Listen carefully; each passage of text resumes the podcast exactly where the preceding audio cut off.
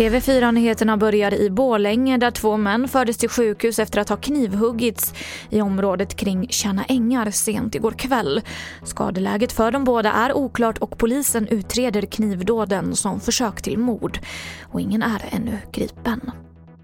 Vi går vidare till Malmö där en pojke i 16-årsåldern blev rånad av ett tiotal gärningsmän igår kväll.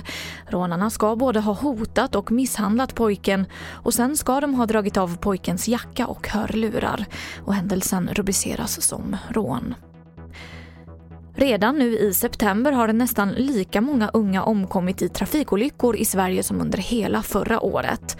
Enligt EU-kommissionen så är trafikolyckor den vanligaste dödsorsaken bland ungdomar mellan 15 och 24 år. Och så kan jag också berätta att coronapandemin har slagit hårt mot de äldre. Nästan 9 000 äldre har under flera månader inte fått den vård och omsorg som de har rätt till. Detta enligt en undersökning av IVO som Ekot rapporterar om.